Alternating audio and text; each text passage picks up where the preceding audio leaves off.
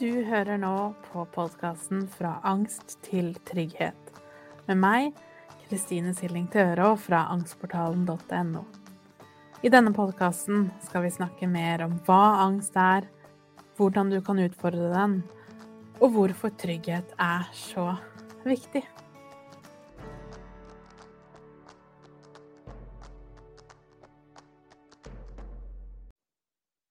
Hei og velkommen til episode 42, hvor vi skal snakke om det er mulig å bli trygg igjen. For det er jo egentlig alt vi vil.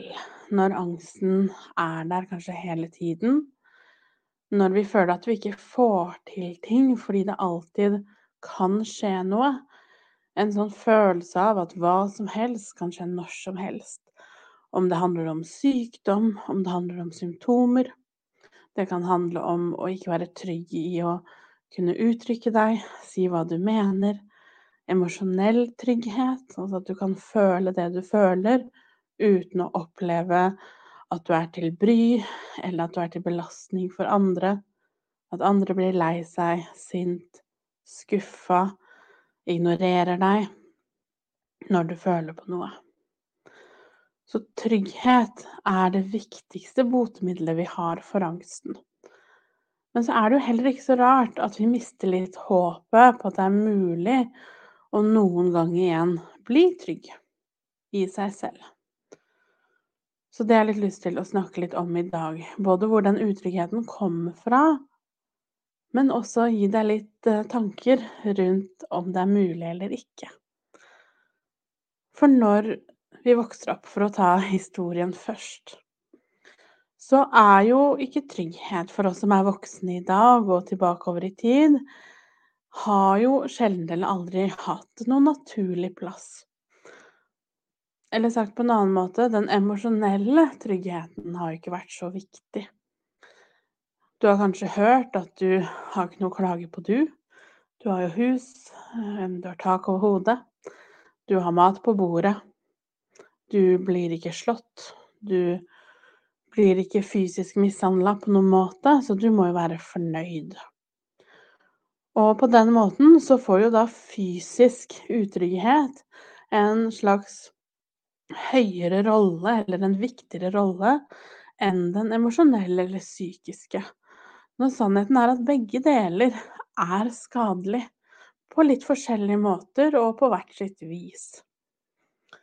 Og selv om noen selvfølgelig opplever den fysiske utryggheten, så tør jeg påstå at langt flere har opplevd en emosjonell eller en psykisk utrygghet.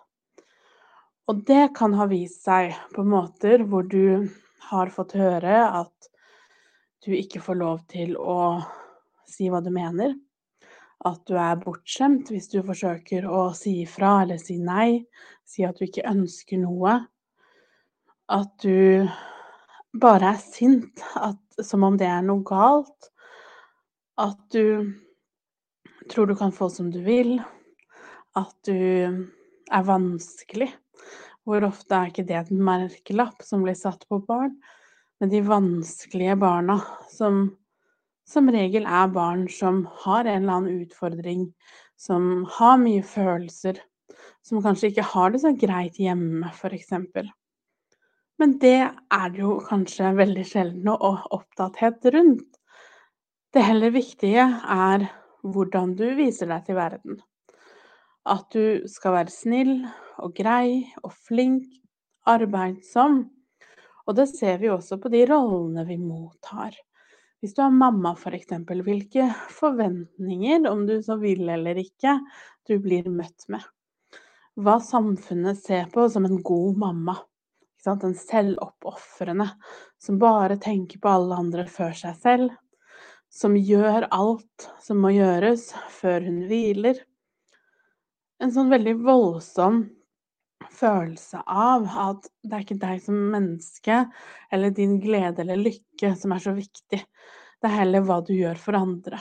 Og det samme ser vi jo med, med idoler vi ser opp til, om det handler om idrett. Folk som yter fysisk mye mer enn enn det som nesten er mulig, og som ofrer alt i livet for å løpe fortest eller gå fortest på ski eller måtte være flinkest. De blir gjerne sett opp til som noe litt høyere enn oss andre, fordi de er selvoppofrende. De ofrer kanskje liv, eh, de ofrer altså sitt eget sosiale liv for å være god på noe. Og det betyr ikke at det er noe galt i å gjøre det, men det er noe med når vi ikke er der selv, så betyr jo ikke det at vi er noe lavere eller dårligere av den grunnen. Men det er noe med å bli møtt på den måten vi har behov for å bli møtt på.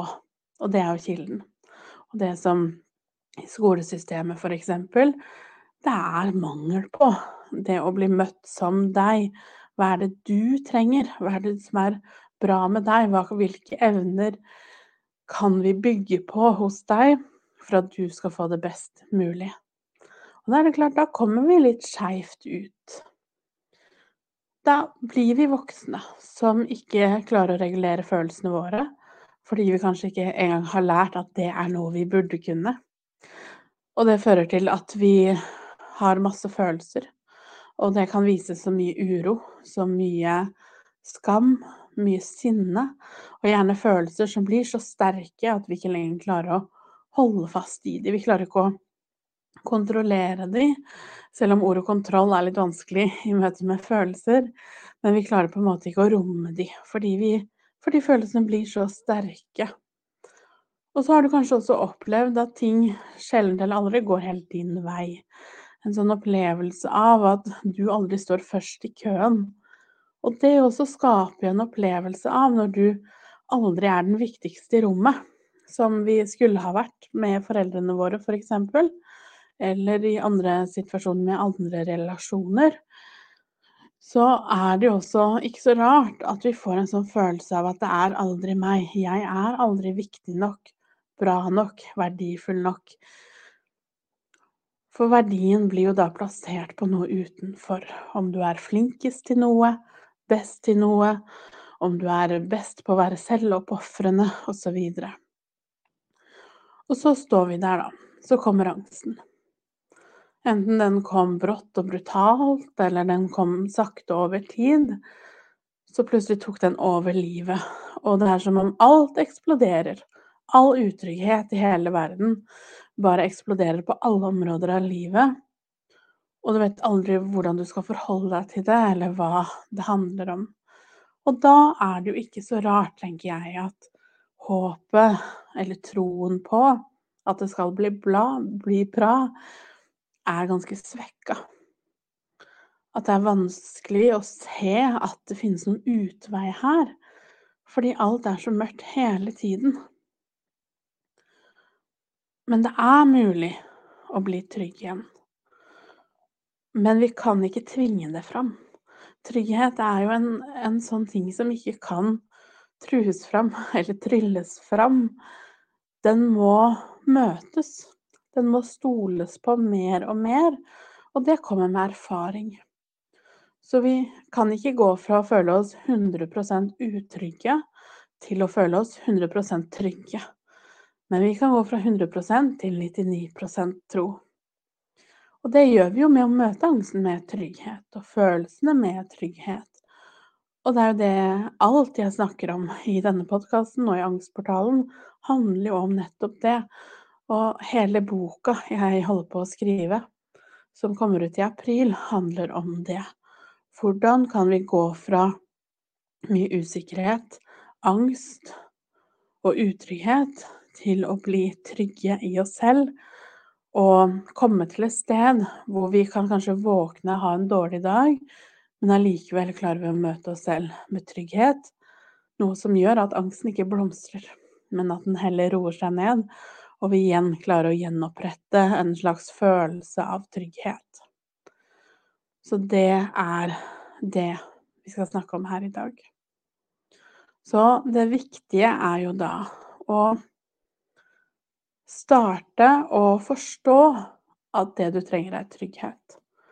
Enten om det er i møte med følelsene, med kroppen din, eh, med angsten din, hva enn det måtte være. Begynne å sette trygghetsfølelsen høyere enn alt annet. I starten, når du er på helt i akuttfasen, når angsten er veldig høy hele tiden, så handler det om å finne trygghet i at du kan fokusere ut av angsten.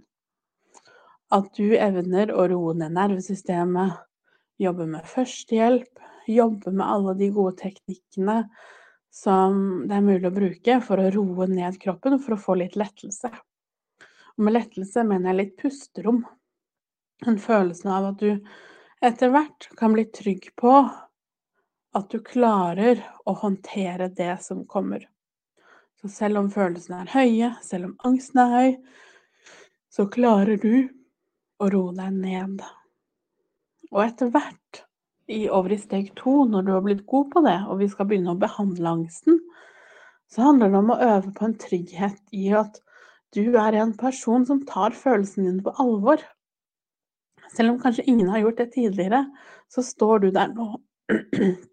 Og du kan få til å møte deg selv med trygghet. Som betyr å ta deg selv på alvor. Så når du føler på at du er lei deg, så gråter du. Og når du er sint, så føler du på sinne i stedet for å spørre deg selv eller fortelle deg selv at jeg har ingen grunn til å være sint, egentlig. Hvorfor er jeg sint nå? Det har ingen hensikt, det har ingen grunn. Men å vite og få en erfaring og en trygghet i at det er en grunn. Det er helt umulig at du er sint i dag uten at det er en grunn. Og vi må bare finne den grunnen, om den er stor eller liten. Og det er det vi skal finne fram til. Så det å finne tilbake til den indre tryggheten og roen i at du får til, at du er bra, at du er bare fordi du er menneske, fordi du lever, så er du mer enn bra nok. Det er det den tryggheten handler om. Og det må vi overbevise oss selv om. Fordi det er ikke sikkert du tror på det akkurat nå. Det er helt greit. Det hadde nesten vært litt rart om du trodde på det midt i angsten. For det er jo derfor angsten er der i utgangspunktet. Men steg for steg så skal vi komme dit, og det er mulig. Men som sagt, da er vi nødt til å ta et aktivt valg om å sette tryggheten først. Og det betyr å bli kjent med hva du trenger. Er det mer hvile, som det veldig ofte er, fordi kanskje hele livet er et strev hele tiden fra du våkner om morgenen? Og med hvile så mener jeg ikke nødvendigvis å sove heller å ligge på sofaen. Fordi at veldig ofte så er det alt annet enn hvile midt i angsten. For med en gang vi roer ned, med en gang du legger deg til, så kommer tankene og følelsene og kroppen. Så hvile handler da heller om aktiviteter eller ting du gjør hvor du lader. Og da spiller det ingen rolle hva det handler om, men det å prioritere det, ta et valg om at jeg tar ingen steg fremover før jeg på en viss måte har med meg tryggheten også. Så sakte og forsiktig og med ro og trygghet. Og det er jo det trygghetsmetoden min handler om. Fordi jeg hadde lyst til å lage et rammeverk som viser deg hva du skal gjøre til hvilken tid. For det var noe av det vanskeligste jeg selv syns i min prosess. Fordi alt er bare kaos, og det er så enormt mange måter å gjøre dette her på. Det er tusenvis av behandlingsmetoder og verktøy og masse forskjellig vi kan gjøre. Og det meste funker, men det funker bare når du er klar for det. Altså når du er på riktig, riktig sted til riktig tid. Og det er gjerne det vi ikke lærer. Når er jeg klar for de ulike typer tilnærminger, f.eks. Og det jeg gleder meg veldig til i desember Så hvis du hører på denne episoden nå i slutten av november eller desember, så skal vi i desember ha en julekalender i Angstportalen som skal handle om trygghet. Så hvordan bli trygg på 24 dager.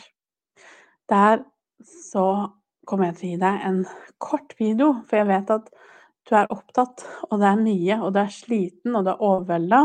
Så dette skal ikke være en ny ting hvor du må sette av timevis på å lære masse nye ting. Men kort og konkret hver dag, hvor jeg snakker om et konsept eller en øvelse, et verktøy, noe jeg vil du skal tenke på i dag, Sånn at jeg følger deg hver dag fram til jul i desember, hvor fokuset er å finne trygghet. Så det kommer til å foregå i Facebook-gruppa. Så hvis du ikke er medlem ennå og har lyst til å få med deg det, går du til angstportalen.no, melder deg inn, så er du automatisk påmeldt da så lenge du er medlem i Facebook-gruppa. Og det gleder meg så mye til å kunne ha en hel måned hvor vi bare fokuserer på trygghet. Og hvis du hører det her etter desember, altså i 2023 f.eks., så vil alt dette bli liggende som et eget program, sånn at det vil være tilgjengelig også etter desember. Og det er jo også veldig fint for deg som også er med i julekalenderen, men vit at da alt blir liggende, så du når som helst seinere kan gå tilbake og bruke de samme verktøyene på nytt. Så det gleder jeg meg skikkelig til, og vet kommer til å bli en så spesiell og fin stund gjennom hele jul, juletida. For jul er veldig ofte triggende. Ehm, det er mye som kan være ekstra vanskelig når det er høytid, og det kommer jeg også til å snakke om i en egen episode. Om hvordan jula kan trigge følelser som er litt vonde, og som igjen kan gjøre at angsten og og skammen og den dårlige samvittigheten blir enda større. Men først så skal vi fokusere på trygghet i Angstportalen i desember. Så bli med der hvis du vil lære mer om det. Og så blir jeg veldig glad hvis du liker denne podkasten og har lyst til å anbefale den til noen. Så kan du hjelpe meg med å nå frem til flere hvis du legger igjen fem stjerner der du hører på denne podkasten. Så om det er i iTunes, om det er på Spotify eller Google Podkast eller et annet podkastprogram, ved å enten legge igjen en, noen ord om hva du liker i podkasten, eller å gi meg fem stjerner, så hjelper du meg til å spre denne til flere som har behov for å høre om alt det vi snakker om her.